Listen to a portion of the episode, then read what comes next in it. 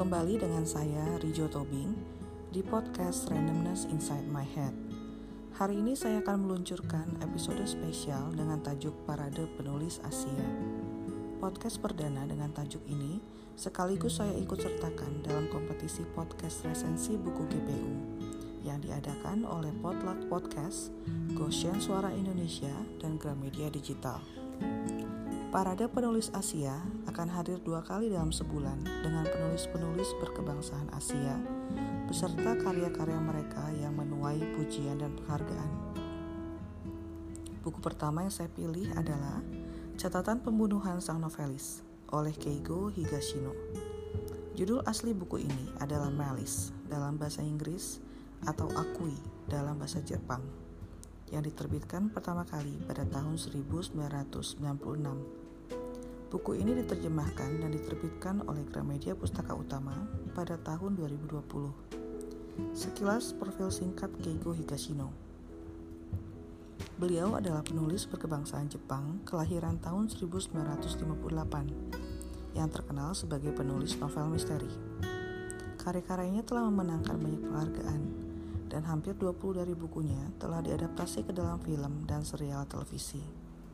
Saya memilih buku ini karena sangat puas setelah membaca buku Keigo Higashino Sensei yang berjudul Pembunuhan di Nihonbashi yang juga diterbitkan pada tahun 2020 oleh GPU. Tokoh detektif Kyochiro Kaga sangat menarik perhatian saya karena pertama, dia tidak berusaha tidak tampil mencolok. Dia hanya sangat membaur untuk mudah diterima oleh saksi-saksi dari kasus yang sedang ia selidiki. Dan dari yang kedua, Daya analisanya sangat mencengangkan. Sepanjang buku itu, saya bisa ikut membayangkan titik-titik yang coba dipetakan oleh detektif Kaga di benaknya. Titik-titik yang perlu dihubungkan untuk mendapat jawaban. Siapa sih pelaku pembunuhan di Nihonbashi? Keunikan cara kerja detektif Kaga membuat saya memilih buku catatan pembunuhan sang novelis sebagai buku kedua yang menghadirkan detektif Kaga untuk saya ulas dalam podcast kali ini. Buku catatan pembunuhan sang novelis sebenarnya adalah pertarungan kemampuan antara kedua karakter, detektif Kaga dan Nonoguchi Osamu, seorang novelis anak yang mengaku sebagai pembunuh novelis terkemuka Hidaka Kunihiko. Pertarungan kedua sosok ini bertumpu pada pencatatan atau dokumentasi yang dilakukan oleh keduanya dan hal ini ditandai oleh pergantian sudut pandang penceritaan atau POV antara detektif Kaga dan Nonoguchi sepanjang novel setebal 305 halaman ini. Novel dibuka dengan catatan oleh Nonoguchi tentang kunjungannya yang terakhir ke rumah Hidaka Kunihiko. Hidaka adalah novelis ternama yang akan pindah ke Vancouver, Kanada dengan istri barunya Rie. Istri pertamanya, Hatsumi, meninggal dunia akibat kecelakaan dan Hidaka ingin meninggalkan Jepang untuk beristirahat dari karirnya yang sangat menuntut sekaligus memulai kehidupan baru dengan istri keduanya. Dari catatan Nonoguchi, pembaca akan cepat menangkap kesan kepribadian Hidaka, seorang novelis ternama dengan karya-karya yang laris dan mendapat banyak penghargaan. Demikian pula dengan hubungan pribadinya dengan Nonoguchi. Nonoguchi mencatat bahwa ia dan Hidaka bersahabat ketika SMP, terpisah oleh waktu dan kesibukan, dan akhirnya menjalin pertemanan kembali setelah Hidaka sukses sebagai novelis. Dari catatan Nonoguchi, kita juga tahu bahwa Nonoguchi berkawan akrab dengan Hidaka istrinya, baik yang pertama, Hatsumi, dan yang kedua, Rie. Ia sering berkunjung ke rumah keluarga Hidaka dan mengobrol dengan Hidaka dan istrinya. Nonoguchi pamit dari rumah Hidaka setelah kedatangan Fujio Miyako adik dari teman SMP mereka, Fujio Masaya, yang karakternya Hidaka pakai secara samar dalam novelnya yang berjudul Daerah Bebas Perburuan. Nonoguchi mencatat bahwa ia diantar oleh Rie dan Rie memperhatikannya sampai Nonoguchi menghilang di belokan. Di sini saya merasa aneh.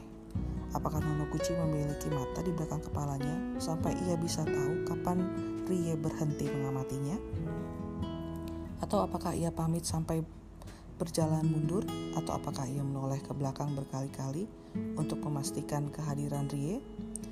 Saya tidak membaca bagian blur dari buku ini, jadi saya tidak langsung menyadari bahwa Nonoguchi adalah tersangka dari kasus yang akan terjadi selanjutnya. Pada malam itu juga, Hidaka dibunuh di ruang kerjanya yang terkunci rapat dengan alat pemberat kertas. Yang menemukan jasadnya adalah Nonoguchi dan Rie. Nonoguchi berdalih bahwa ia datang kembali untuk kedua kali pada hari itu karena ditelepon oleh Hidaka. Ketika mendapati rumah Hidaka gelap, ia pun menelpon Rie untuk memastikan Hidaka ada di rumah atau tidak. Rie yang sudah menginap di hotel karena akan berangkat ke Vancouver keesokan harinya sangat kebingungan.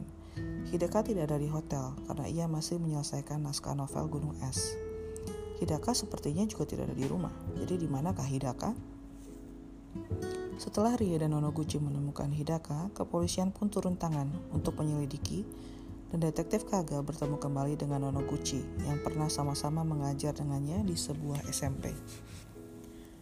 Satu hal yang saya harapkan dari karakter detektif Kaga setelah pertemuannya kembali dengan Nonoguchi adalah bias. Detektif Kaga mengenal Nonoguchi. Tidak hanya itu, ia juga memiliki kesan baik akan seniornya itu. Detektif Kaga tetap menjalankan tugas penyelidikan dengan baik. Ia memeriksa kebenaran alibi dari Nonoguchi, Rie istri Hidaka, dan Fujio Miyako, orang luar terakhir yang ditemui Hidaka selain Rie istrinya. Akan tetapi, saya tetap merasakan rasa hormat dan sesuatu yang terasa seperti bias dari cara detektif Kaga menceritakan progres proses penyelidikannya. Nonoguchi menulis bahwa ia ingin mencatat secara mendetail peristiwa pembunuhan Hidaka, sahabatnya.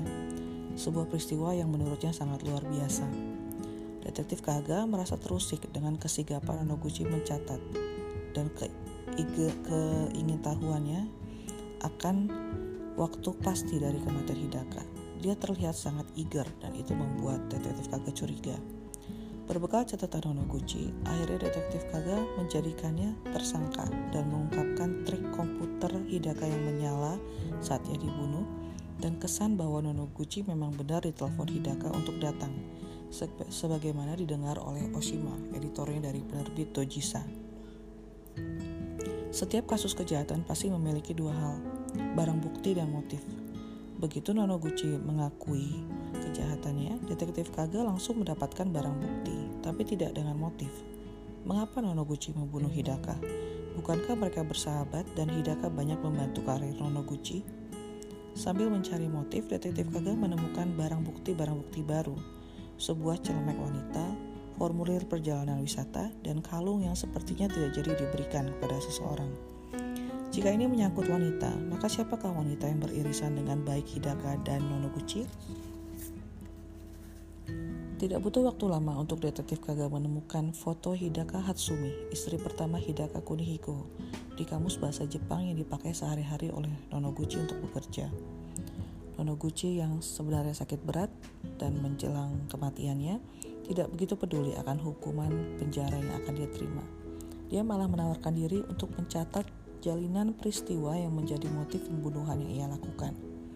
Detektif Kaga menerima usul itu, tapi saya dalam hati ingin berteriak memperingatkan Kaga untuk tidak terjebak tipuan Nonoguchi lagi. Seorang penulis adalah pembohong. Itu adalah kata-kata guru bahasa Indonesia saya ketika SMP. Semakin baik karyanya, maka semakin lihai dia berbohong. Saya sudah menduga Nonoguchi akan kembali memperdaya Kaga dengan ceritanya tentang perselingkuhannya dengan Hatsumi, Hidaka yang menaruh curiga akan hubungan gelap mereka, Hidaka yang menangkap basah Nonoguchi yang hendak membunuhnya dengan pisau, dan Hidaka yang mencuri naskah-naskah Nonoguchi dan memerasnya supaya menjadi penulis bayangan baginya.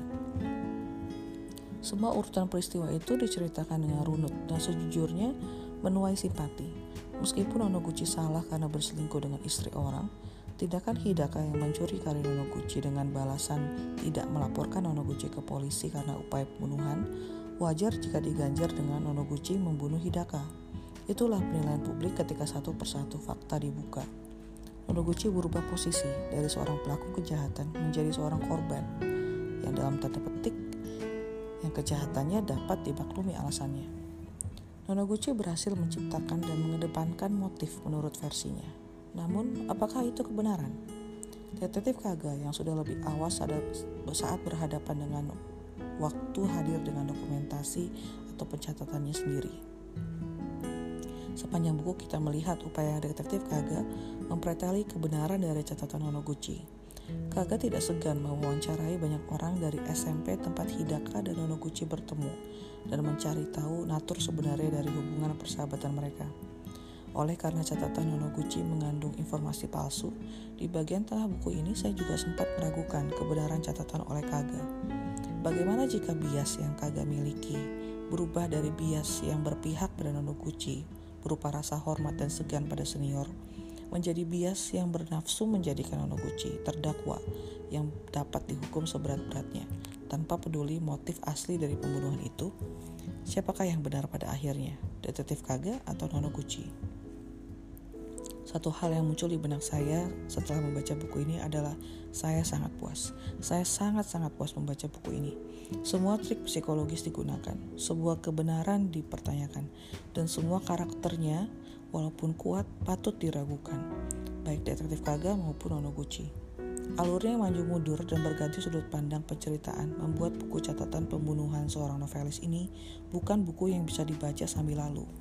Ia memerlukan waktu, atensi tak terputus, dan fokus untuk bersama Kaga dan Nonoguchi mengungkapkan hal krusial yang menjadi motif pembunuhan dari Hidaka Kunihiko.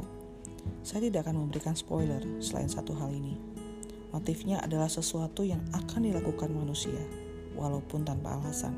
Kalau kamu penasaran, kamu bisa membeli bukunya di Gramedia atau mengakses e-booknya di aplikasi Gramedia Digital. Sekian ulasan saya untuk parade penulis Asia pada episode pertama. Sampai jumpa pada parade penulis Asia episode selanjutnya. Ingin tahu dari penulis mana dan buku berjudul apa? Nantikan saja dua minggu kemudian. Terima kasih, sampai jumpa.